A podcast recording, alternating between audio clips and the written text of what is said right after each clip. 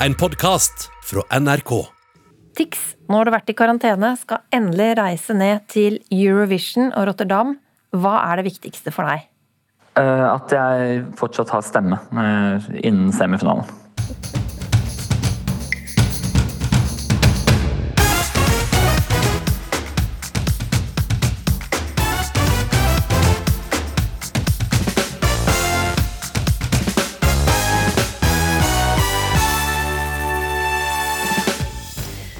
Var at halvparten skulle gråte, sier Tix om den nye personlige musikkvideoen til Eurovision-låta Fallen Angel.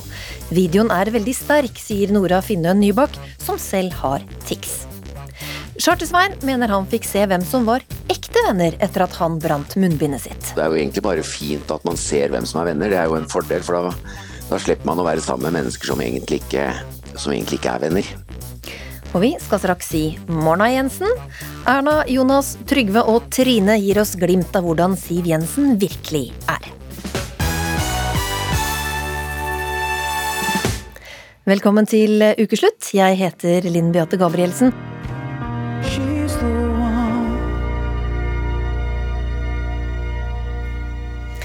She's the One sang Robbie Williams, og det var i grunn litt det samme Siv Jensen sa fra talerstolen på landsmøtet til Frp i dag også. Frp trengte meg, men nå trenger Frp nye koster. Det sa altså Siv Jensen for en halvtimes tid siden i sin siste tale til landsmøtet som Frp-leder. Nå er min vakt over, og dere skal føre partiet og Norge inn i fremtiden. La meg avslutte med noen ord som har vært ledende for mine avgjørelser i livet, og som jeg vet at eh, Frp-ere flest også stiller seg bak. Den som ikke står for noe, faller for alt. Takk for meg. Martine Aurdal, kommentator i Dagbladet. Hva bet du deg merke i av det Siv Jensen sa i dag? Ja, det var jo en, en tale som det selvfølgelig var knyttet ganske store forventninger til, og som rammet, eh, rommet mye. Men eh, det var jo også et uh, høytidelig øyeblikk i Fremskrittspartiets historie. Siv Jensen inntok talerstolen med et snufs. Og da skvatt jeg litt. Uh, men derfra gikk hun jo til en, uh, en stil som vi kjenner godt fra før, og hvor hun hardt slo fast både hvorfor Fremskrittspartiet trengs, hvorfor det hun har gjort var riktig ved å søke makt, eh, hva de har fått gjennomslag for, eh, hvorfor det nå er riktig å stå utenfor regjering, men at eh, Frp trengs i norsk politikk og kommer til å gå inn i regjering igjen senere. Og altså setninger før det klippet dere tok ut nå, var at Fremskrittspartiet beveger samfunnet, beveger verden og utgjør en forskjell for folk. Og dette med at Fremskrittspartiet er de som beveger verden, er jo også en helt klar henvisning til Ayn Rands, eh, som jo er Siv Jensens eh, bekjente ideolog. Eh, Jensen har jo aldri vært spesielt ideologisk, men, men Ayn Rands fortelling om at de som beveger verden, er de som skap, bruker sine krefter til å skape noe, men som likevel framstilles som umoralske, eh, egoistiske pengesugere. Og det å sette Frp i den, eh, i den rollen opp mot Ap-staten, det var det som aller kraftigst står igjen fra talen eh, for meg. Mm. Tone Sofie Aglen, kommentator i VG. Var det noe som overrasket deg? Eh, kanskje ikke overraska meg, men uh, hun framsto jo uh, veldig personlig, men uten å bli sentimental. Det er veldig tydelig at det var en uh, utrolig letta Siv Jensen som nå går av. Det er jo litt stusslig at hun måtte ta farvel med partiet digitalt helt alene. Men, men det som var veldig tydelig, var at hun forsvarte veldig det å ta ansvar, det å gå inn i regjering. Og jeg syns at det var veldig den liberalist-Frp som hun vektla foran populist-Frp, om vi kan kalle det det. Hun snakker om Frihetspartiet, om skatter og avgifter og mot eh, byråkrati som hun mener plager folk. Det var liksom den delen av partiet hun vektla veldig mye. Veldig lite snakk om innvandring og klimaskepsis. Men så merka jeg meg også at det, det, var liksom ikke noe sånn formanende pekefinger til sin etterfølger. Hun har ikke tenkt å sitte i, i hornet og passe på hvordan partiet utvikler seg videre. Aurdal, eh, du skrev jo bok om eh, Siv Jensen på den tida da hun gikk inn i rollen som partileder i, i 2006, og allerede da var hun et fenomen, sa du altså den gangen. Hvem, hvem var hun da? Nei, Siv Jensen var jo og det må man si i likhet med sin eh, etterfølger, som klappes inn senere i dag, Norges mest kontroversielle politiker. Hun eh, hadde krasse utspill om veldig mange av de samme temaene som vi ser Listhaug har profilert seg på senere. Eh, jeg var mange ganger i debatt med henne før jeg skrev bok, hvor hun angrep feminismen og mente at vi ikke trengte likestillingspolitikk. Hun gikk hardt ut mot klimapanelet og, og var tydelig i innvandringsdebatten og, og på mange av disse sånn klassiske Frp-sakene. Men i motsetning til Sylvi Listhaug var Siv Jensen også veldig anerkjent og populær på tvers av partigrensene. Hun var kjent som en hardtarbeidende politiker som nøt bred respekt, og var landets nest mest populære politiker etter daværende utenriksminister Jonas Gahr Støre. Aglen, ehm, kampen er ikke over, sa Siv Jensen. I hvilken tilstand er du en etterlater eh? Ja, det er jo ikke akkurat i verdens beste tilstand, må det jo være lov å si. Og jeg tror også det er en ganske stor sorg for Siv Jensen at hun etterlater partiet nå som de ligger så lavt på meningsmålingene. Eh, en av de store utfordringene til Frp er jo at de har eh, mista grepet fullstendig om de store byene, og lite tyder på at de kommer til å gjøre noe særlig godt valg. Eh, trøsten er vel at partiet framstår vel ikke så splitta som man kanskje kunne venta seg. De som har vært kritiske til Sylvi Listhaug, har liksom roa seg litt. Så jeg tror de fleste er egentlig mer sånn avventende til hva nå. Mm. Aurdal, hva, altså er det tilbake til start for Frp nå, i opposisjon? Ja, på mange måter så er det jo det. Eh, da Siv Jensen ble leder, så dro jo hun altså fra første dag etter landsmøtet på turné til alle fylkeslagene for å forberede dem på hva det betyr å søke makt, og hvilke kompromisser de måtte inngå, fordi hun ikke ville gjøre den samme feilen som SV, var det hun helt uttrykt sa. Nå som Siv Jensen både har tatt parti inn i regjering og vist at de kan styre. Hun er jo eh, historiens lengst sittende finansminister i Norge, men også tatt dem ut. Så står partiet på mange måter eh, med blanke ark, og Sylvi Listhaug må finne et nytt prosjekt framover.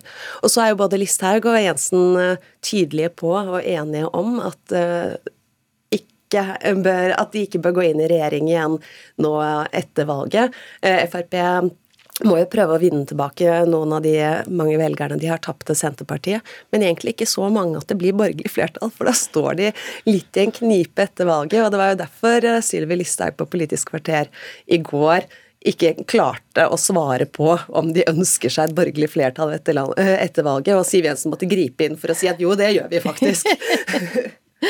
Men Aglen, eh, Frp får sin andre kvinne som eh, leder. Har det noe å si med kvinner på toppen i Frp?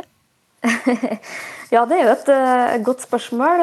Siv Jensen har jo vært en særdeles markant kvinnelig partileder. og og Nå vet vi jo ikke hvordan Sylvi Listhaug blir, men at hun er markant og tydelig, er det vel ingen tvil om. Eh, likevel så har vi jo sett at Frp virkelig har gått til å bli et eh, parti for, for mannfolk flest, om du kan kalle det det. Ikke så mange av dem heller. det er jo Opprinnelig var det jo lagt inn kun én kvinne i sentralstyret og tolv menn. Det jobbes det vel med å utjevne litt. Men også førstekandidatene rundt i fylkene er overveiende menn. De kan risikere å få en stortingsgruppe kun bestående av Sylvi Listhaug og en del menn, i verste fall, da, hvis de gjør et dårlig valg. Og man ser også på velgerne deres at de appellerer veldig til mannlige velgere og har et åpenbart kvinneproblem. Skal de klare å fenge bredere? Hva tenker du om det? Nei, det, her er det jo også helt klare paralleller til det Frp Siv Jensen gikk inn som leder av i 2006. Det var også en um, mannstung uh, forsamling, og hvor Frp tidligere hadde vært kjent for liksom, å være partiet for uh, mannlige pensjonister i gul dress i byene, uh, så ble jo Siv Jensen et trekkplaster for å trekke også unge kvinner inn i partiet. Og så nå som det går såpass dårlig, så ser vi mannsdominansen bli mye sterkere på nytt. Og det nå, nå slipper jo heldigvis uh, Sylvi Listhaug å ta alle de kampene som Siv Jensen måtte ta. Hun ble jo eh, også utfordret på det landsmøtet da hun ble valgt i 2006, med at Ulf Erik Knutsen gikk på talerstolen og fikk med seg forsamling på at de ikke skulle endre navn fra formann til partileder. Så hun het jo også formann de første årene. Eh, noen slag har eh, Jensen tatt for Listhaug, men det er jo helt klart en eh, en emmanstung dominans som hun må prøve å gjøre noe med. Og det at det er en ny eh, kvinne på topp, det klart en, har klart en viktig signaleffekt for, for særlig unge kvinner som lurer på om Frp er parti for det. Du, takk skal dere ha, Tone Sofie Aglen og Martine Aurdal. Og det er eh, flere enn partifellene som kommer til å savne Siv Jensen, for eh, både Erna, Jonas, Trygve og Trine de har lovet oss noen historier om hvordan Siv er bak kulissene litt senere i ukeslutt. Musikkvideoen til Norges Eurovision-bidrag Fallen Angel har truffet hjertet til mange fra både inn- og utland.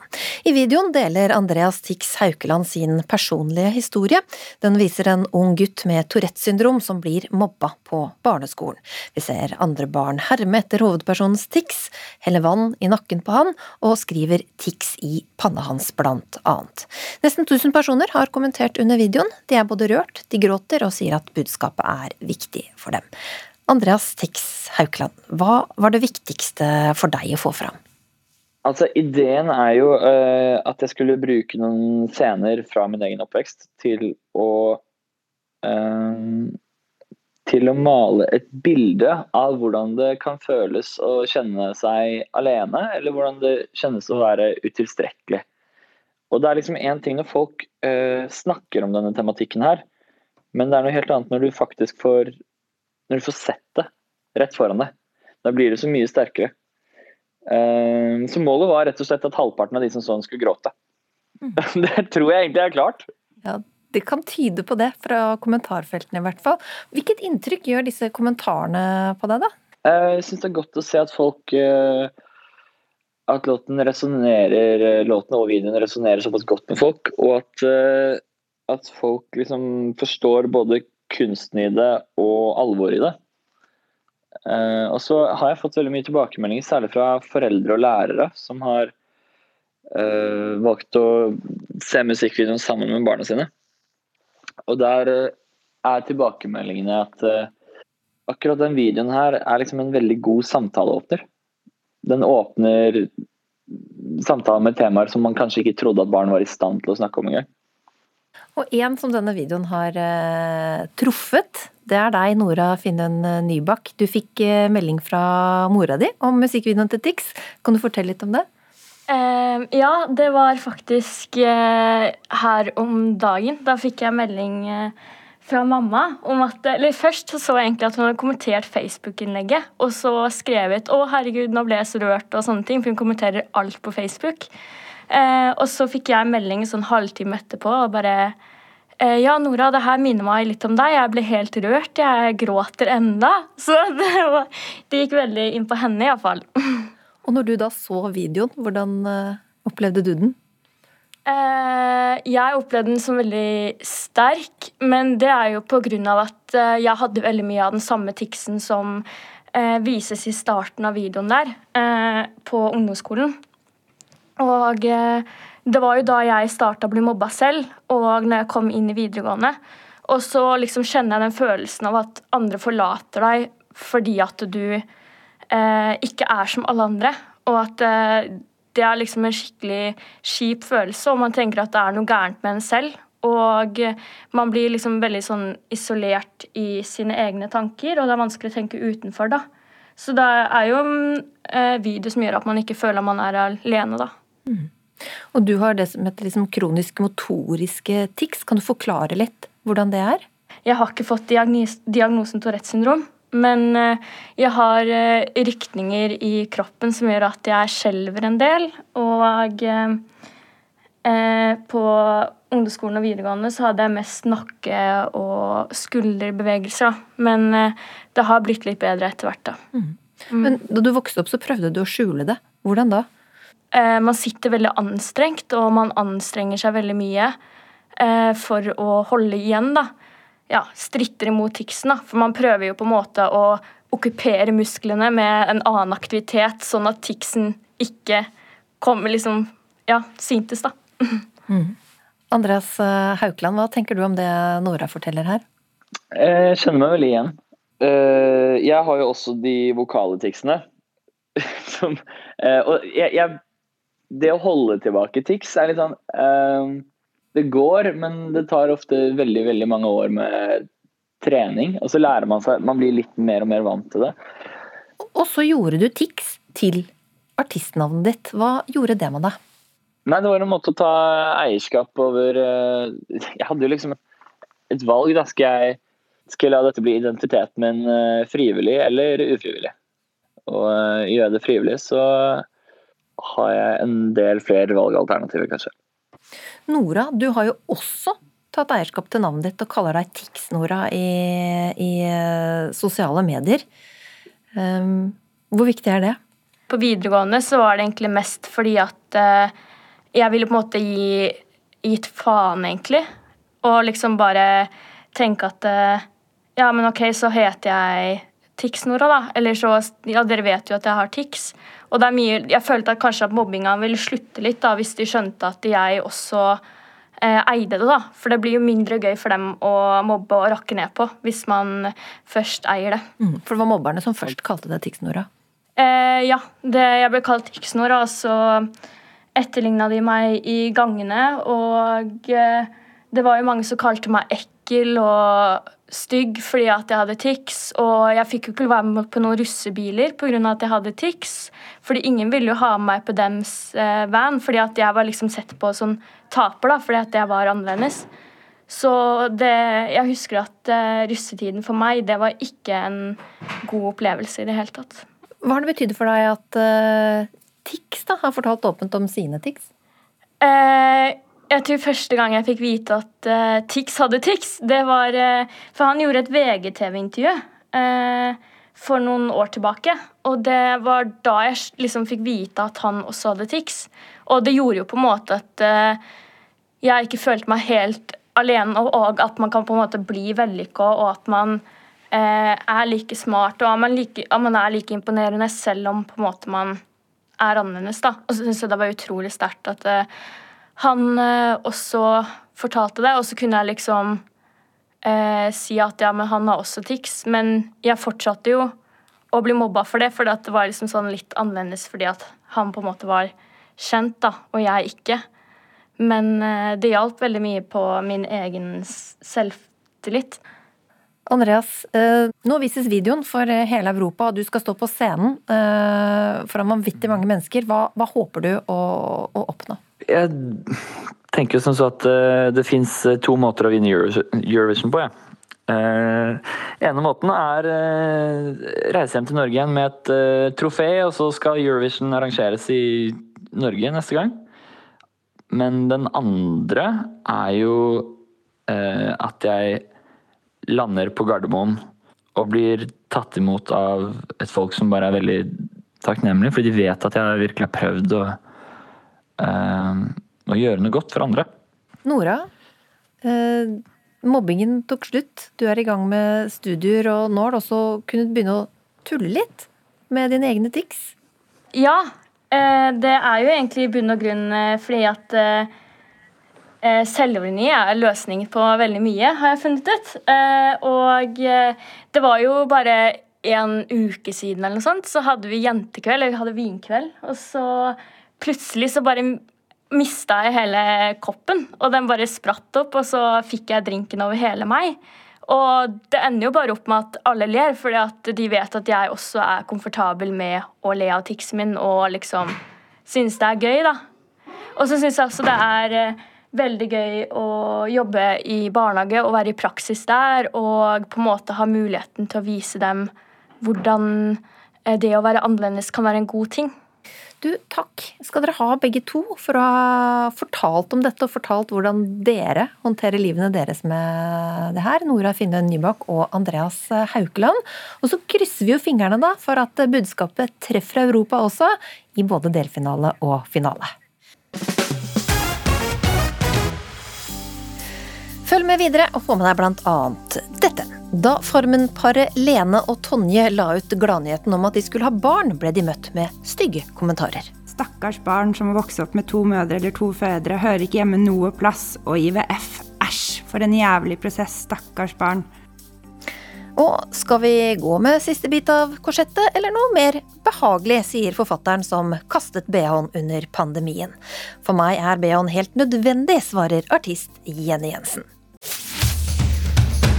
Også denne helga har det vært større ungdomstreff. Både russetreff flere steder på Sørlandet og rånetreff i Vestby med 500 biler samla. Forrige helg, da 1000 festglade var i Nygårdsparken i Bergen, så fikk de unge mye kritikk. Og det fikk deg, Elin Sebjørnsen, til å skrive en kronikk i Bergens Tidende. La de unge kline i buskene, skriver du. Hvorfor skal de det nå? Ja, nei, det er jo sånn at jeg har jo fått litt uh, kritikk for at jeg skulle være så direkte som det, og det er jo uh, Det som jeg mener, det er jo at de unge skal få lov til å være unge, og at det kanskje har vært en hva skal vi si, nesten en heksejakt, synes jeg, da i mediebildet de siste månedene på altså, hva de unge gjør. Alt som er kanskje vanlig, normal atferd, blir nesten ansett som kriminelt. Og uh, jeg tenker det er et lyspunkt at de unge lever som som de skal gjøre med de smittevernhensynene det er mulig å ta. Mm. Og du er lærer på en videregående skole i Bergen og tett på ungdom. Hvordan mm. opplever du deres behov for eh, sosialisering i denne pandemitida? Uh, nei, jeg vil kanskje si at uh, altså eh, Det er alltid kjekt å, å, være på jobb, og jeg elsker jobben min. Og, være lærer og er veldig heldig som får være sammen med glad og frisk ungdom hver eneste dag. Men jeg vil vel kanskje si at i denne perioden så har dette, dette behovet for for uh, hva skal vi si, nærhet og samtale vært enda større enn hva det ellers er. Og det sier jo noe, sant? Det, både med hverandre selvfølgelig, men også med oss lærere, at de søker kontakt. Mm. Og det er jo en, en god ting da, at vi kan være der for de selvfølgelig. Emma Tomlinson, du er 16 eh, år og elev i Drammen, og du skrev et innlegg til Aftenpostens side, og du ber ungdommen om å skjerpe seg. Hvorfor skal de det? Altså, det, Grunnen til at jeg skrev det innlegget, var jo fordi pga. disse rapportene om at det var opptil 1000 ungdommer som samles. Og det er jo at vi ungdommen må følge disse smittevernhensynene og tiltakene som er nå, fordi vi har like mye ansvar som absolutt alle andre til å gjøre vår del i denne dugnaden. Fordi at det blir litt sånn feilslått hvis vi skal liksom stoppe nå. For nå er vi så nærme dette målet. Hva tenker du da når du hører læreren her si at dere som unge må få, få leve ut noe av ungdomsdrømmene? Altså, Jeg skjønner jo selvsagt at uh, dette er en stor påkjennelse på ungdommen, men jeg syns det blir litt feilslått at vi skal uh, slutte nå. For nå er vi så nærme mål at det blir altså det at vi øker, kan eventuelt lede til at vi øker smittetrykket, gjør at det også i seg selv er en veldig stor påkjennelse. At vi får jojo-nivå med rødt nivå og gult nivå. Det er smittefrykt. Det er, det er, en stor påkjennelse, det også. Og at vi gjør oss selv en bjørnetjeneste ved å si at nå må vi få lov til å gjøre det vi ja, bør gjøre i ungdomssiden. Vi har muligheten når vi har fått slått ned dette, og vi er så nærme det målet, at det blir litt dumt, rett og slett, å ha nesten tilsynelatende gi opp når vi er så nærme mål. Sebjørnsen, ja, det kan jo forlenge denne vanskelige tida, da, hvis vi slipper opp eh, litt for fort? Ja, nå sier jo ikke jeg at man skal slippe opp. Jeg eh, prøver vel egentlig å si ganske i klartekst da, eh, at det ville være naivt å tro at ikke ungdommene fester. Eh, både eh, aldersgruppene 16 til 18 og de som er over der, for det gjør de uansett. Og det er en naturlig atferd å, tenke at nei, det alle sitter hjemme i helgene, det gjør de ikke. Og det, eh, akkurat det Sånn er det bare, og det må, vi, det må vi vedkjenne oss, og da må vi legge til rette for at det går an. At alle vet at de skal være forsiktige. Det tenker vi skal ha tillit til at de klarer å, å i stor grad å holde seg til til, eh, til gjeldende smittevernregler. Men å kunne legge til rette med toaletter og, og eh, eh, alt som må til i de ulike parkene og på områdene, og ikke minst hurtigtesting der. Og da selvfølgelig går det an. Vi driver med det i videregående skole. Vi tester jo to-tre ganger i uken. Det tar et kvarter for å få svar, så det må jo gå an. Alt, alt, må gå an, tenker jeg. Vi må legge til rette. Vi kan ikke bare ha forbud hele tiden. Eh, Tomlinson, altså vi hører jo at mange unge sliter nå. Det kunne jo kanskje hjulpet da, å kunne treffes mer utendørs? Ja, jeg, jeg, ser jo absolutt den argumentasjonen, men uh, det som er at dette påvirker oss absolutt alle, og psykisk helse er så utrolig viktig. Så jeg syns det, det, blir litt sånn å undervurdere ungdommen og si at de kommer til å gjøre det uansett.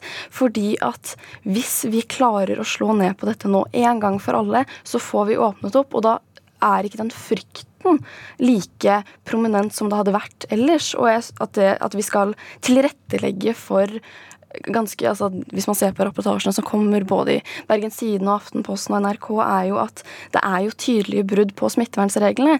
Og at hvis vi da skal liksom tilrettelegge for det, syns jeg blir litt feilslått. Ja, Severnsen, hvordan da, Hvilke tiltak tenker du? Du var litt inne på det, men hva, hva kan man gjøre da for at dette ikke skal ende i brudd? Nei, jeg tenker at eh, for det første så kan jo politiet Jeg ser jo at det er mange som gjør en veldig god jobb her i Bergen, men enda mer eh, patruljerende eh, gående politiet i parkene og på stedene der det, der det samles ungdom. Teststasjoner, ja, mobile teststasjoner, mobile toaletter, spriting. Altså rett og slett samtaler til det er voksne som går rundt omkring. At man rett og slett har altså, griller. Alle disse tingene her. Og Selvfølgelig også det med tanke på søppel og boss og alt dette her. Men, men, det er klart at det er mulig å gjøre noe. Det, det går an å komme i dialog med ungdommen, det er jo ikke noe verre enn det. Emma Tomlinson, hva, hva har du først og fremst måttet avstå fra under denne pandemien? Altså, jeg har jo, som alle andre ungdom, ikke hatt muligheten til å være like sosial. Jeg har ikke hatt muligheten til å trene på samme måte. Men det som også er en påkjennelse både for meg, men også for min da, spesifikt min bestemor, er jo at jeg har jo ikke hatt muligheten til å gi henne en ordentlig klem på ett og et halvt år. Jeg, når jeg er hjemme hos henne, som er veldig sjeldent, så må jeg på meg munnbind. Og det er jo en stor påkjennelse, det også. Og jeg føler at det er noe som absolutt alle kjenner på. Og det at vi da ikke har muligheten til å liksom virkelig ta og liksom step up nå, blir litt problematisk. Fordi at vi er så nærme. Hva er det du gleder deg mest til da, å gjøre når dette her er over? Jeg gleder meg til å kjenne på en mangel på frykt av tenk om man blir smittet. Og så gleder jeg meg til å gi bestemoren min en ordentlig klem uten å være redd for at jeg smitter henne, noe som kan gjøre henne ordentlig syk. Takk for at dere ble med i Ukeslutt og tok denne debatten om ungdomstida under pandemien, lærer Elin Sebjørnsen og elev Emma Tomlinson. Se for deg at eh, du skal eh, legge ut et bilde hvor du forteller at du og kjæresten endelig skal ha barn, slik mange gjør på sosiale medier. Men gledesnyheten blir møtt med hets og forakt. Ja, slik var det for Lena og Tonje. Body, smekke alt Liverpool. New member of the LFC family. På den veloppredde sengen hjemme hos Elene Sleperud og Tonje Garvik ligger det nå et lite berg av barnevennlige varer. Og så har også kjøpt sånn Twist Shake tåteflaske, sånn at ungen kan liksom virkelig riste og styre og herje uten at det søler. Sånn at Elene kan ha putene sine reine. Jeg tror kanskje du skal få en sånn nå, De to kvinnene ble for alvor kjent gjennom TV 2-programmet Farmen i 2018, men selv om paret nå er vant til offentligheten, så var terskelen litt høyere for å poste en av livets store nyheter. Jeg tror begge var veldig nervøse med en gang vi skulle legge det ut. Vi satt på hytta eh, og drev og jobba, og så fant vi ut at vi må publisere, publisere det samtidig. Jeg kjente bare, jeg satt egentlig bare og skalv de første 15 minutter. Jeg forsto liksom ikke Nei. Vi skal bli mammaer, sto det. Gratulasjoner og nyhetsartikler og respons lot ikke vente på seg. Men så For min del så åpna jeg en melding på Facebook som ble sendt til meg privat, der det sto 'Gratulerer så masse med barn. Synd, eh, synd at dere får så masse kritikk og stygge kommentarer'. For det som utelukkende skulle være en gladsak, fikk en viss bismak da Sleperud og Garvik tok en titt på kommentarfeltene. Eh, her, her er Dette er en stor skam. Dere er begge født med en genfeil. Så for dere å forplante dette videre i samfunnet, hadde dere, levd, hadde dere levd i dyreverdenen, hadde dere blitt utstøtt og aldri fått til dette. Dere er med på å ødelegge verden slik den er bygd opp fra starten. Så dette er rett og slett forkastelig. At et lesbisk par skulle ha barn, fikk rett og slett kommentarfeltet til å renne over. Jeg har flere her, da, men det her er sånn typisk eh, kommentar som egentlig går igjen. Det er 'stakkars barn som må vokse opp med to mødre eller to fødre, 'hører ikke hjemme noe plass', og IVF, æsj, for en jævlig prosess, stakkars barn. Så det er jo på en måte det er, det er en mening som aldri burde komme ut offentlig, spør du meg, da. Det er jo rett og slett bare hat på, på, mennesker som den personen ikke kjenner. Hvis du syns det er så ubehagelig å se eh, noen av samme kjønn kysse, så, så, burde du kanskje se det litt oftere, sånn at du ikke syns det er så ubehagelig lenger. Det sier TV-personligheten Adam Kjølberg, som selv har opplevd homohets på kroppen. Jeg er jo standup-komiker aller mest, og jeg står mye på scenen, og jeg har blitt spyttet på i ansiktet. og Eh, blitt ropt ting etter på gaten. og Det er ikke alle dager man er i humør til å ta en fight. Noen dager blir man faktisk bare fryktelig lei seg. I fjor ledet Kjølberg den digitale versjonen av Oslo Pride, festivalen hvor skeive kan føle seg normale og friere. Min frihet er, er, ikke medfødt, er ikke et privilegium jeg har. Den, den, må jobbes for og konstant være en kamp for å beholde den friheten. Så Derfor er jo også pride viktig. ikke sant? Man, man må aldri gi opp, fordi min frihet kan også tas ifra. Så da nyheten kom om at selveste NRK skal sende Pride-feiringen i beste sendetid i juni, så var det ekstra stas for arrangørene i foreningen FRI. Ja, definitivt. Eh, økt synlighet er jo med på å drive fram økt eh, aksept. Eh, fra Pride sin spede begynnelse på starten av 70-tallet så har vi jo gått sjumilssteg. Oppslutningen rundt alle landets prider vi ser i våre dager, er helt magisk. Så det å få den anerkjennelsen nå fra NRK, det er vi veldig glade for. Men lederen av FRI, Inge Alexander Gjestvang, er også forberedt på reaksjoner. Ja, så det er nok mange som eh, har eh, noen tanker om hva pride er, og tenker at det her er eh, feil å vise NRK på beste sendetid. Men vi så jo òg en del motstand som NRK sine aid-feiringer òg har mottatt. Men jeg tenker det viser hvor stort behov det er for, for økt synlighet. Også TV-sjef i NRK, Arne Helsingen, tar eventuell kritikk med knusende ro. Uh, budskapet til årets pride er frihet, likeverd, kjærlighet og mangfold. Og det er et budskap NRK kan stille seg bak. Og så vil det helt sikkert komme reaksjoner også, som det gjør Eh, veldig ofte, eh, og det er vi forberedt på. Og all denne pride-praten tar oss tilbake til Tonje Garvik og Lene Sleperud. Vi møttes jo på pride i uh, Spikersuppa. Jeg var egentlig med en kompis og skulle leve singellivet og bare ha det gøy. Og så ser jeg bare en vakker dame på tvers over dansegulvet som uh, ser på meg med veldig uh, hva skal jeg si, flørtete blikk. Og vi har vel alle en anelse om hvordan det gikk. Det skal sies at det endte opp med et ganske hett kyss foran en hibasto på slutten av kvelden. Så jeg gjorde jo noe riktig.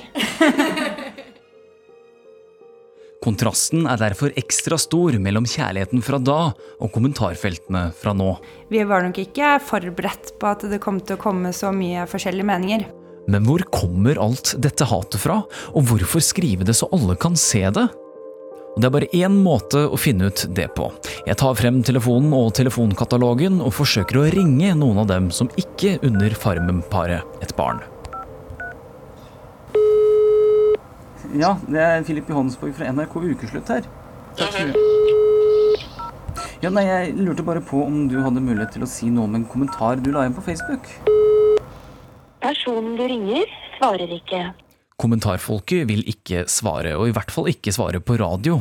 Likevel er det en som sier at hen var kritisk fordi andre var kritiske, og vedkommende hadde ingen tanker om at Lene og Tonje skulle lese kommentaren. Men vi har tatt en kjapp eh, runde over og kikka på, på, noen av kommentarfeltene, bare for å få inntrykk av hva det som egentlig står, og for å løfte det her opp eh, videre. da. Eh, rett og slett for å få det opp i bevisstheten til folk. Men angrer de på at de la ut babynyheten på internett? Svaret fra Garvik er nei. Med tanke på de kommentarene som kom, kanskje skulle gjort en enda større greie ut av det. Fordi synlighet er nøkkelen for å skape kjennskap som leder til empati, og som gjør at det blir normalisert. Så, så det at de kommentarene er i kommentarfeltet, understreker bare viktigheten av å være synlig som skeiv. Reporter var Filip eh, Johannesborg.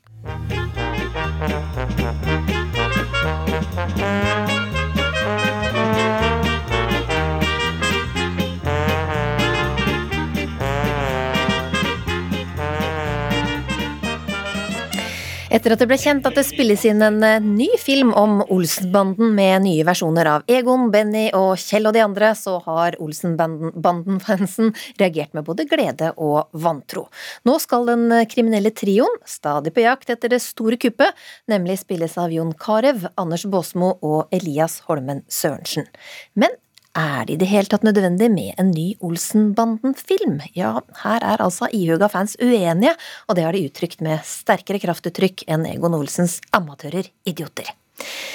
Sivert Moe, Olsenbanden-fan og podkaster bak podkasten Anger. Blir dette hel maks, tror du?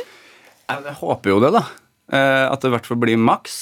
Eh, som, som, Benny sa i den første filmen, da han eh, kun sa maks og ikke hel.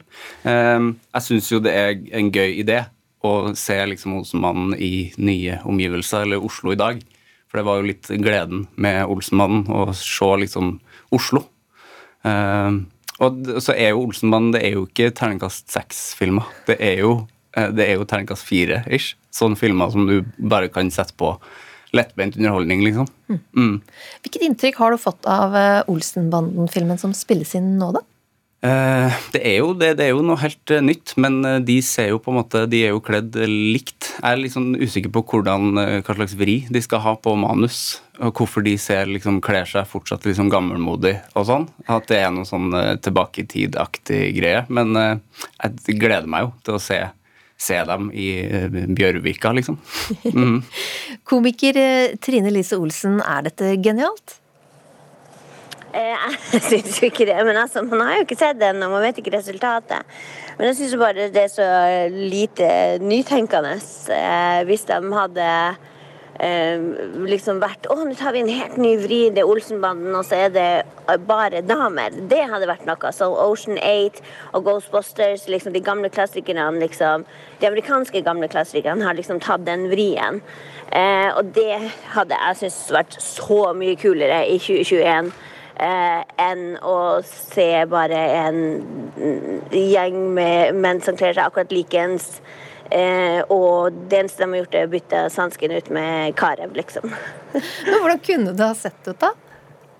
Med kvinner? Ja, men Det kunne vært Eder Olsen som var sluppet fri, og det kunne vært Fanny, og det kunne vært Britt, og så kunne det vært Dynamitt-Sara skikkelig raus eh, samisk Sara som kommer og sprenger ting i filler. Det hadde jeg, det hadde jeg syntes vært gøy. Trine Lise Olsen-banden, kanskje? ja, det kunne også vært det. er jo en ny pitch. ja, Sivert uh, Mo, hva, hva, tenker du? Hvordan uh, hadde gjort seg med litt nytenkning? Ja, jeg er ikke uenig i det i det hele tatt. Jeg, jeg syns det kunne man godt ha gjort. Som uh, Trine Lise nevner Oceans 8 og Ghostbusters, som jeg syns funka kjempebra. Eh, så det, det syns jeg man kunne gjort. Jeg tenker jo kanskje, Det er jo ikke annonsert hvem som skal være Dynamitt-Harry ennå, så det kan jo Kanskje det kan være kvinne? Kanskje det er et wild card. Mm. Eh, nå er det jo god stemning her i studio, men i en fangruppe du er med på, nett, på nett, så ble det eh, så utrivelig at du vurderte å, å, å, melde deg ut. Fortell om det. Ja, eh, det er jo det er sterke meninga med liksom James, James Bond og Olsenband-fans. Det er en sånn ganske konservativ gjeng, føler jeg. Det, ting skal ikke forandres på. Det skal være prikk likt hele tida. Så da de her nye skuespillerne ble annonsert, så ble det ganske dårlig stemning på nett, ja. Det, og mye uh, usaklig om at uh, Benny uh, nå spilles av en mørk mann. at han har mørk hudfarge, det var helt, det var helt usaklig for folk. og det ble ganske stygt, rett og slett. Så da følte jeg at jeg måtte si ifra.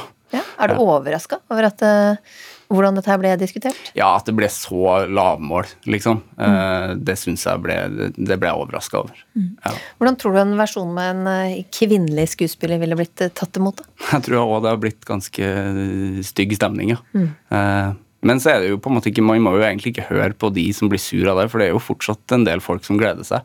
Og jeg tror en kvinnelig versjon hadde mange likt det òg, liksom. Uh, man, lager ikke, man, lager det jo ikke for dem som hater det. Og Olsenbanden i sin tid ble jo virkelig ikke likt av kritikere. Det ble jo nesten slakta hver gang, uansett. Men så har det jo stått seg. Mm. Trine Lise, Lise Olsen, hva, hva, tenker du om det? Det kunne blitt eh, mye bråk, kanskje, med den kvinnelig Olsenbanden? Ja, bråk blir det jo uansett. Man gjør jo aldri alle til lags. Altså, jeg syns jo det er utrolig trist å høre at det er derfor uh, Olsenbanden-fan har klikka fordi at Jare, nei, Kari er mørk huden.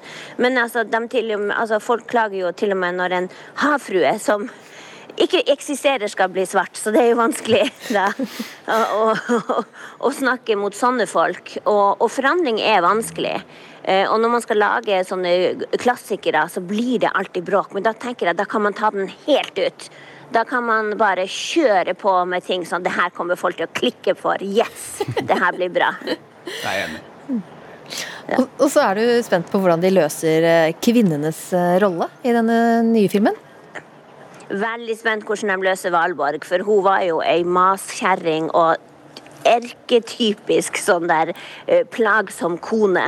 Eh, så, og det husker jeg irriterte meg over da jeg var, var, var lita, for jeg kjente ingen sånne. Eh, så jeg er veldig spent på hvordan de løser den. tenker du om det, Sivert? Ja, jeg håper at hun får mye plass, og at hun, eh, at hun leder litt mer an. Aud Schønemann kunne jo liksom være ganske hard, men hun fikk jo aldri siste ord, for å si det sånn. Det var jo mye masing om liksom at hun ikke har en tråd å ha på seg, og det var veldig sånn stereotypisk på den tida. Mm. Så det håper jeg blir annerledes. Mm.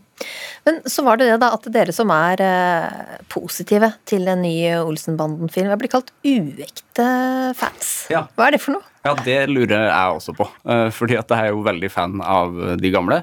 Men så fort man er positiv til noe nytt, da er du, er du et kjipt menneske på internett. Det er liksom Hva er det du sier da? Det er stygge ting som jeg egentlig ikke kan se på radio. Jeg får private meldinger fra folk i den gruppa, men sletter de umiddelbart. For det blir for dumt, syns jeg. Mm. Mm. Eh, vel, vi får jo håpe da at eh, filmmakerne har en bedre plan enn hva Olsenbanden selv vanligvis eh, har. Takk skal dere ha, komiker Trine Lise Olsen og Olsenbanden-fan Sivert Moe. Høy temperatur, ja det ble det da Lotepus og Chartersvein møttes i debatten. Nydelig. Nydelig. Alle må samle seg om samme tankegangen og vite kvitt dette. Og da må vi bruke munnbind, og vi må få sprøyter, og så enkelt er det. Okay. Jeg, tror... Jeg tror ikke det er så lett. Lotebuss og Chartersveien er ikke de eneste som krangler om eh, korona. Familier og venner splittes fordi den ene tror på helsemyndighetene og følger rådene, mens den andre kanskje mistenker at alt som kommer fra offisielt hold er feil eller manipulasjon. Hva skjer med vennskap og familie når eh, partene er på hver sin planet? Reporter Kari Li har møtt noen av dem som er prega av koronakonflikten. Din innsats for å følge råd og regler for smittevern er dessverre å anse nesten som hån. Hva med å skamme seg litt? Tarjei Theoflov leser en SMS han fikk i vinter. Den kom fra en venn av familien som hadde hørt at Theo skulle demonstrere mot koronanedstengingen av Norge. Og da skrev jeg tilbake. Å skamme seg kan du gjøre selv. Les menneskerettighetene samt vår grunnlov. Den slanke 30-åringen som har satt seg inn i bilen min, nekter å følge smittevernrådene. Dermed beskytter andre seg mot han. Det fikk han merke i et middagsselskap. Jeg fikk lov til å komme på besøk, men eh, jeg måtte sitte ute på eh, balkongen og spise der. Så jeg kunne jo se inn i det varme, lune hjemmet. Hva skjer med forholdet til venner og familie når noen ikke vil forholde seg til myndighetenes råd og regler om korona? Theo er en av dem. Jeg tar valg basert på all informasjonen jeg har presentert for meg selv og har blitt presentert av andre. Ut ifra alt det jeg har høstet, så har mitt valg vært å ikke gå med munnbleie. Jeg, jeg, gjør det ikke for å provosere, jeg gjør det ikke for å trigge andre, jeg gjør det ikke for å rebellere. Men demonstrere, det gjør Theo jevnlig. Bare vit at jeg står for kjærlighet, og hvis du glemmer at det er det alt dette her handler om, så har du glemt meninga med livet, mann. De som demonstrerer mot myndighetene foran Stortinget, har fått være i fred for media. Men i april fikk de selskap av mannen som bl.a. huskes for denne låta her. Jeg er kongen av Mallorca. Jeg er prins av Hurum Hei. Egentlig lyst til, hatt lyst til å være her flere ganger, men jeg har bare ikke hatt muligheten. Altså. Prinsen av Hurumhei, altså Charter-Svein Østvik, satte fyr på et munnbind rett foran pressefotografene. Gjør det nå. Hei. En liten hilsen til dere som står og brenner på munnbind. Det tente lunta hos Chartersveins realityvenn Lotepus. Det ler av sykepleiere, doktorer, alle som prøver å holde liv i folk. Det må skamme dere herifra til helvete. To av Norges mest kjente reality... Dermed var det duka for debatten i NRK. Eh, munnbind har jo hovedsakelig negative eh, ting, og når det da i tillegg ikke er spesielt eh, egnet til å, til å hjelpe mot smitte, så, så har jeg ikke villet gå med det. Det er også en ekstrem eh, påkjenning for mye mennesker, den lockdownen. Vi må jo fatte og begripe hva regjeringen har fått til her, og den dugnaden her, og så holdt dødstallet så langt nede. Og Det er jo derfor folk bryr seg om hva regjeringen sier. Og Det er jo derfor vi har så lave smittetall òg. Og da kan ikke vi bare begynne å leke med dette her, at vi skal brenne munnbind og tro at det blir bedre, for det vet jo enda verre. Det er jo bare å se litt lenger enn nå som rekker. Lote senior har et litt annet språk enn meg, da, og det får bare stå på hans regning. Stian Lote er sønnen til Leif Einar Lote, altså Lotepus. Mens faren fyrer løs verbalt, analyserer sønnen konflikten i en kronikk i VG. Jeg, tror ikke den beste måten å nå gjennom eh, til de som, som danner seg dette alternative eh, virkelighetsbildet, er å, å skamliggjøre dem på den måten som han har gjort. Jeg tror ikke det er produktivt. Jeg tror målet må jo være å få dem tilbake igjen på et eller annet vis. Det er vel ikke noe som tyder på at vennskapet er noe styrka, men det har vel aldri vært noe spesielt vennskap. Stein Østvik sier han har fått mye tyn, men også støtte den siste tida. Skal ha et godt vennskap, så må man jo, må man jo eh, bli likt for den man er, ikke for noe annet enn den man er. og, og det, er jo, det, er jo, egentlig bare fint at man ser hvem som er venner, det er jo en fordel. For da, da slipper man å være sammen med mennesker som egentlig ikke som egentlig ikke er venner. For alle da som er vant til å se deg le og tulle mye, Mm. Nå ser vi deg veldig alvorlig. Hva skjedde egentlig med Charter-Svein? Eh, Charter-Svein var, var, en figur som skulle til Syden og prøve å lage litt morsomt på TV. Så at, eh, at jeg, skulle, jeg var 44 år når jeg dro på det første gangen, så det skulle bare mangle. Men det har ikke skjedd noe personlighetsforandring. Det er bare at eh, tida, tida er jo helt annerledes nå. Nå er det ting som er utrolig viktig, og da og da vekkes jo andre sider i, i meg da, enn en det å ha det gøy, liksom. Det er egentlig ikke, det har ikke så mye hensikt å prøve å diskutere med den, fordi alt det som du da kommer med, er jo da fake news. Pål Nordkvelde sto nylig fram i Filter nyheter og fortalte hvordan familien ble splitta fordi en bror tror på andre forklaringer enn de offisielle om koronapandemien. Nei, vi, altså vi i vår familie har jo lært oss å ikke snakke om disse tingene her. Dersom broren legger ut noe kontroversielt på sosiale medier, skriver storebroren inn en kommentar. Jeg må ikke det. Eh, men det er litt viktig at eh, omverdenen ikke tror at eh, dette, han er et talsrør for vår familie. Broren til Pål vil ikke uttale seg i ukeslutt. Hey, so Tilbake til Tarjei Theo Flow, han som måtte spise middag på balkongen og som demonstrerer sammen med Charter-Svein. På YouTube har 30-åringen posta en video om at han faster. Right. Theo har hatt kreft siden 2015, men nekter å ta imot medisinsk behandling. Han takka også nei til koronavaksine. Hvis folk ikke spør hva jeg synes om at de skal ta en vaksine, så kommer ikke jeg til å ta og prøve å prakke på dem mitt synspunkt. Det er sånn Hei, jeg kan stole på deg, du gjør det du mener er riktig for deg. Men hvis noen kommer med en nål og sier nå skal jeg vaksinere deg imot din vilje, så kommer jeg til å kjempe med nebb og klør og rive deg i stykker hvis du kødder med min frihet. Det er at det er blitt så steile fronter. Mm. Det er så polarisert. Ja. Hva tenker du om det? Åh, vær så snill. Hvor lenge skal vi holde fast på vårt eget synspunkt. Hvorfor kan vi ikke heller samles i noe som forener oss? Um, sorry, jeg må hente papir Det er ikke spesielt trygt hvis du er smørrete nå. Nei, jeg veit det. Det er det. Det er verste tidspunktet ever. Hvor er nærmeste karantene? Her flyter det champagne, og alle damer ser på meg. Svein Østvik er ikke redd for å miste flere venner. Man ender jo opp med dem som, som tåler en i på, på godt og vondt, og på alle de sidene man har. Nå skal det handle om et eh, mye brukt, men eh, også kanskje litt omdiskutert eh, plagg.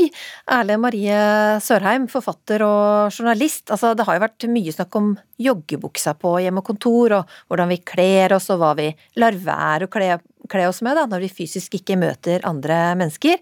Og for deg så var det altså ett plagg som forsvant i løpet av pandemien, nemlig bh-en. Hvorfor det? Ja, eller eh, jeg bruker jo da nå en topp istedenfor bh med spiler. Fordi jeg brukte det siste året på å være mye hjemme, ja. Eh, foran skjerm. Eh, være, man har litt mer tid til å liksom føle på ting, og da begynner man fort å merke at disse cupsene og spilene, når det ikke betyr noe hvordan man ser ut, så merker, jeg plutselig at uh, det her er jo utrolig ubehagelig. Uh, fascinerende ubehagelig, på en måte. Og så gå med en litt enklere topp eller noe sånt istedenfor. Så er det sånn Oi, nå er det jo uh, mye mer behagelig og naturlig. Og så samtidig begynte jeg å lure på hvorfor skal vi ha sånne metallspiler? Hvorfor er det naturlig at vi har det innerst mot kroppen? Jeg tror liksom ikke man har funnet noe sånn i steinaldersamfunnet at uh, de brukte kvister og bøyde under puppene fordi det var det man måtte ha. Altså, det er uh, BH-er med cups da gjør liksom det med å ha pupper veldig mye mer vanskelig og komplisert enn det det egentlig er, var det som slo meg. Ja. Så hvordan opplever du det nå, da, med denne nye friheten i en topp? Ja. Øh, nei, det er ikke så mye å bruke den friheten på, da. Jeg sitter fortsatt foran skjermen. Men øh, litt mer behagelig. Mm. Og du skapte mye engasjement på, på Twitter da, etter at du skrev om uh, dette. Uh, men artist Jenny Jensen, vi har med deg også. Blir du inspirert nå til å kaste bh-en? Nei, altså For meg er bh-en livsviktig. Altså, jeg, jeg, kunne ikke tenke meg å kaste den. Jeg er så lykkelig for at den oppfinnelsen finnes. Og jeg har BH-er med spiler, uten spiler, sports-BH, og sort og grønn og rød og, og Nei, jeg elsker BH-ene mine, og de må brukes. Ja, Men hva, hva, hadde, hva hadde skjedd for din del, da, hvis du hadde droppet det? Ja, nei, altså, det er, jo, det er jo ganske morsomt å sitte her og diskutere BH-en, men jeg tror jo at det med BH det har jo litt å gjøre med størrelsen man har på frontpartiet. For det er jo sånn at gravitasjonskrafta den jobber jo, så jo tyngre du er i fronten, jo lengre siger dem ned. Så det er litt deilig å legge dem på plass. Og, liksom, løfte de opp? Ja, løfte dem og ha dem der de skal være, og leke at man er litt yngre igjen. Men så kaller du deg også for Dolly-halvparten. Hva, er det for noe? Ja, nei, altså det er tilbake til en sånn Jeg har vært i Nashville og spilt inn i plate. Og så måtte jeg jo besøke Tutsi bar, for det er jo en sånn ærverdig brun kneipe hvor alle de store artistene har opptredd. Og det her er en historie som jeg bestandig tar på scenen når jeg opptrer med mitt, mitt countryprogram. For når jeg var da på Tutsi bar, så hoppa jeg opp på scenen og måtte jo ta en melodi. Og når jeg sto der, så så jeg tak og vegger var jo tapetsert med endollarsedler. Og så var det signaturer fra alle de her kjente, så der hang jo Kenny Rogers og Dolly Parton, alle sammen. Og da ble jeg så inspirert at jeg signerte en dollarseddel, og så lurte jeg min inn ved siden av Dolly Parton sin. For jeg tenkte at hvis Dolly Parton kunne henge der, så kan også Dolly Halvparten. Veldig bra. Kunst- og motekulturhistoriker og spaltist i eh, Morgenbladet, Ragnhild Brochmann. Ja, hva vil du si? Hva, hvor står BH-en i dag?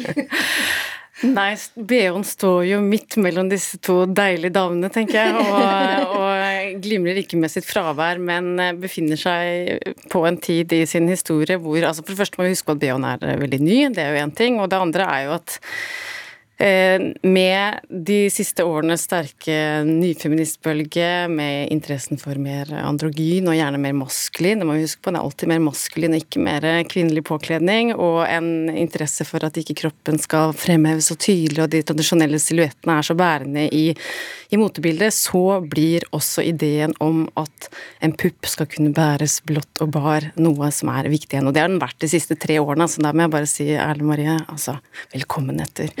Dette her, har, dette, her har, dette her har pågått lenge allerede, og det har jo også noe med ikke sant, eh, Veldig mye av det som var 68-ernes fanesaker er tilbake igjen, både politisk, også estetisk. Man ser det i moten, og hele 70-tallet vibrerer jo igjen, ikke sant. Så, så, sånn som motebildet er nå, så kan du tenke deg som på den ene siden så er det en veldig sterk tilbakegang til 70-tallet sin enkle trekant-BH-er. Altså jo enklere og jo, jo sobrere, jo mindre spiler, jo mindre lateks, jo mindre mikroplast, jo mindre metall, jo bedre både klimapolitisk og, og, og, følelsesmessig og estetisk. Men det er jo også, akkurat sånn som det var på 70-tallet, at da var eh, det å gå uten bh eller med veldig enkel bh, det var en stor eh, feministsak, mente mange. På den andre side, det var også en stil som virkelig handlet om seksualitet, om fri, eh, frislipp, om pornoindustrien som virkelig var på vei opp. Og så, så samme pupp, med og uten bh, rommer alle de samme ideene i hele spekteret, fra superseksualisert til det absolutt motsatte. Fra ideen om at det er kvinner som styrer showet, til at det er mennene som styrer showet. Ja, og det er litt interessant, fordi eh, en av dagens store artister, Billie Eilish, hun er jo på forsiden av bladet Vogue i nettopp sånn tettsittende korsett, og får veldig mye oppmerksomhet eh, på grunn av det. og ja, eh, her blir, blir liksom hyllet som noe nyfeministisk, men er det en motstridende kamp her? Nei, absolutt ikke. Det er derfor jeg syns du har sammensatt et så vakkert panel. Det er jo nettopp for å si at hvis vi begynner å si at kort hår er kvinneundertrykkende eller frigjørende, langt er kvinneundertrykkende eller frigjørende, BH er undertrykkende eller frigjørende, da er vi på helt feil spor. Det som er poenget, er at hvert eneste objekt som hele tiden endrer litt form eller frisyre, det lades jo av med nytt innhold ettersom vi går fremover. Så å være kvinne vil si å være både se seg selv som en fem fatal i en klassisk tradisjon med mye push og pupp hvis man vil det, og å kle seg sånn at ingen vet hva slags kropp du har om du vil det. Og det skjønner selvfølgelig Billie Eilish, som er et lite ja, promostrategigeni, som skjønner at når du har gått i baggy klær og, og, profilert deg på det veldig lenge, så er tiden kommet for å vise pushet og kløft fordi at hun bestemmer selv. På samme måte som hvis Girl in Red plutselig på den neste trikken du ser viser kløfta, så vil det kunne tenkes på akkurat samme måte. Hun bestemmer, og det må andre forholde seg til. Men altså for meg så er jo BH-en også en sånn, en sånn hjelpeting du har. Altså Da jeg var med på Skal vi danse for noen år siden, så måtte vi jo når jeg skulle danse quickstep, så måtte jeg jo frem med gaffateipen. Eh, så det måtte jo utenpå BH-en. Så det, det, er jo litt, litt hvordan man ser ut, hvordan, hvordan ja, kroppen er bygd. Og så Sørheim, du vil også si noe? Ja, kan jeg? ja kjempefint. Takk, takk. Eh, jeg vil jo bare presisere at jeg er jo ikke noe eh, anti-BH-person. Jeg har jo 30 i skapet. Altså, jeg, er, jeg elsker BH-er. Jeg syns BH-er er utrolig vakre. Eh, og med blonde kanter som kan vises litt sånn i utringninga. jeg jeg syns det er helt strålende. Poenget er at eh, jeg har hatt null folk å vise noe som helst sånn raffinert, elegant eh, på et år nå. Og, og, da merker jeg bare plutselig mye mer hva komfort er, da. Som jo også er en trend som Brochmann er inne på. at eh, nå alle, de, Det siste året så har du fått sånne komfortkolleksjoner av eh, alle store merker. Driver og satser på homestyles, og, og dermed er det liksom Det er blitt en trend, det òg, bare fordi vi faktisk ikke er ute. Men, hvis det kommer en fest, og jeg kan få på meg en kjole igjen, så er BH-en på. Men, men, jeg tenker det er nettopp på festen du ikke skal ha den BH-en, både for å vise at du eh, gjør som du selv vil og lever i tida, men, men jeg tenker at noe av det som er mest, mest, mest, som er mest interessant med debatten her, er hvor liten grad det kommuniseres at en pupp ikke er som en nyfødt baby som trenger bæremeis. En pupp bærer seg faktisk selv. Og så kommer det an på hvor stor pupp man har etter det, og med tanke på rygg og nakke og alt det der. Men, men som en eh, kiropraktor sa til meg for mange mange år siden, så er det sånn kvinner tåler en kilo mer vekt av hvis de ikke har en BH som presser over de skrå brystmusklene. Det er faktisk helt sant. Sånn at jeg, som en nakke- og ryggplaget som mange andre hjemmekontorister, er, er, har det mye bedre uten. Og så er det jo igjen en helt ny sak hva som skjer når kropp møter kultur ute i samfunnet. Og pupp er jo én ting, og brystfort er en annen ting. Og alle vet at det, det også er noe som endrer fasong ettersom hva slags klima eh, kulturelt og eh, værmessig man befinner seg. Så her er det jo bare igjen lag på lag og alltid stor historie i en liten ja, ting. Ja, og så er det jo gravitasjon jeg som er så morsomt, eller, uh, er at uh, det står hele tiden i avisene sånne uh, overskrifter, og to av tre kvinner bruker feil BH-størrelse. Og da tenker jeg Kanskje det er produktet det er noe galt med. Vi klarer å liksom kjøpe oss bukser og topper som passer. Hvorfor, skal, hvorfor går to av tre kvinner liksom med feil bh? Da tenker jeg det er noe sånn intuitivt som mangler i bh-ens komposisjon. Ja, dette er en av kapitalismens mange problemer. at de begynte å... Det, altså, for å si det sånn, BH-industrien var en av de som hadde aller mest eh, spisskompetanse i butikkene. Og en av de stedene hvor det var snakket mest om at man ikke lenger hadde eksperter på plass i butikken som kunne hjelpe deg. På samme måte som du trenger noen til å tilpasse kjole hvis du skal kjøpe deg noe for å bli en vakker brud. Så, der, så det er faktisk helt reelt. da, At, mm -hmm. at akkurat det er Det er ikke så lett å se hvordan skal støtte og sitte, faktisk. Mm. Nei, si? men altså, det er jo sånn at gravitasjonskrafta, den, den, jobber jo. Så alt siger jo nedover. Det eneste som kryper oppover, er jo tannkjøttet. Så, så får møte den utviklinga. Og hva skal vi gjøre med det? Det er det store spørsmålet. det tar vi neste lørdag. Ja, dette kunne vi tydeligvis snakke lenge om. Eh, puppens sprengkraft, kanskje. Skal vi si ja takk i begge deler? Både ja, BH og ikke BH? Takk for at dere tok uh, praten her i ukeslutt, da. Forfatter Erle Marie Sørheim, kunst- og motekulturhistoriker Ragnhild Brochmann og artist Jenny Jensen. Som vi har hørt tidligere i sendinga, Siv Jensen er inne i sine siste timer som partileder for Fremskrittspartiet. Og Siv Jensen, nå er din vakt over, sa du i din aller siste tale som eh, leder. Hvordan opplever du denne dagen? Det er en spesiell dag. Jeg si det er fylt med litt sånn gjenstridige følelser. Det er både litt vemodig, men også eh, så er jeg egentlig ganske glad og lettet. For det, dette har jeg bestemt meg for å gjøre. Men så er det jo alltid spenning knyttet til det å holde en eh, landsmøtetale. Jeg var like skjerpet og godt forberedt eh, i dag som jeg har vært eh, alle de andre gangene jeg holdt landsmøtetale. Og så, så er det flere altså enn bare partifeller som kommer til å savne deg, Siv Jensen. Her kommer det både blomster og konfekt fra politikervenner i alle leire. Kjære Siv, vi har mange gode minner sammen fra både å være konkurrenter og samarbeidende i regjering en av de tingene jeg husker godt, var at i, særlig i begynnelsen som finansminister, når du satt på min som venstre side og vi hadde diskusjoner om budsjettsaker, så når du begynte å toppe deg litt på statsråder som ville ha mye penger, så begynte du å sitte og nynne. Da visste alle at nå jobber du med å holde kontrollen på at du egentlig har lyst til å fortelle dem at pengesekken er brukt opp. Men du var fantastisk å jobbe med deg. Og ingen kan ta fra deg at du faktisk er Norges mest lengstsiktende finansminister i moderne tid.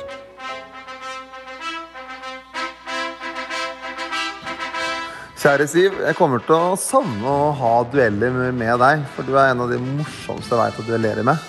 Eh, for du er sterk, du er trygg, du slår hardt, men samtidig har du glimt i, glimt i øyet. Så eh, takk for mange dueller og spennende runder.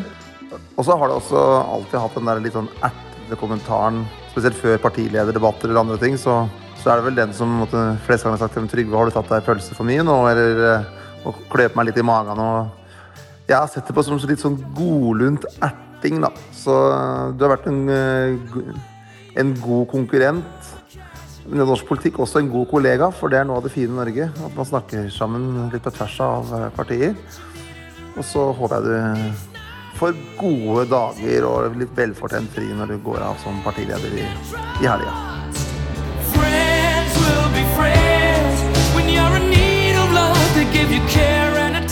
Hei, Siv.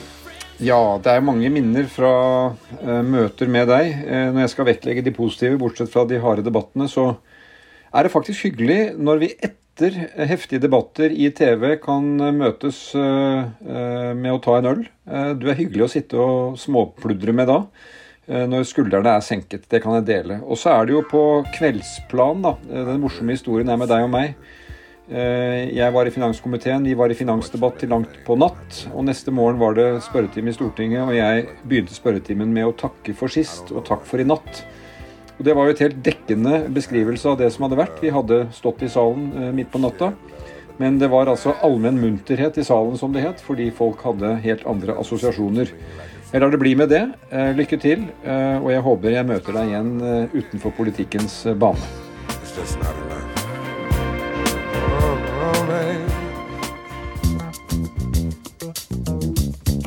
Hei, Siv. Jeg vet at det ikke alltid har vært lett imellom oss, men du vet at jeg setter veldig pris på deg. Eh, og jeg har sett at du er et omsorgsmenneske som viser omsorg for dem rundt deg. Nå har du blitt kvitt dette partiet ditt, så da håper jeg du, og gjerne bikkja di òg, kommer opp til hagen min i kampen, så vi får ta noen glass vin og nyte livet litt mer. Det er jeg helt sikker på at du hadde likt.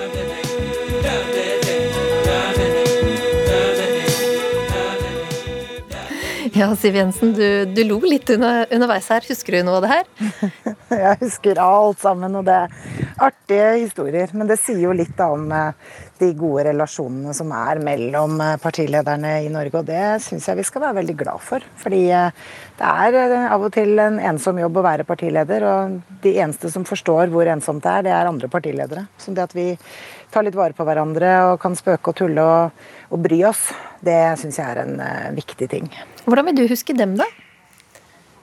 Jeg har egentlig veldig mye godt å si om eh, de andre partilederne i Norge. Jeg har utviklet gode, nære relasjoner til dem. Altså Erna har jeg selvfølgelig jobbet ekstremt tett sammen med i veldig veldig mange år. Og det er en dame jeg setter veldig høyt. Erna er eh, veldig raus, romslig. Lar andre få plass.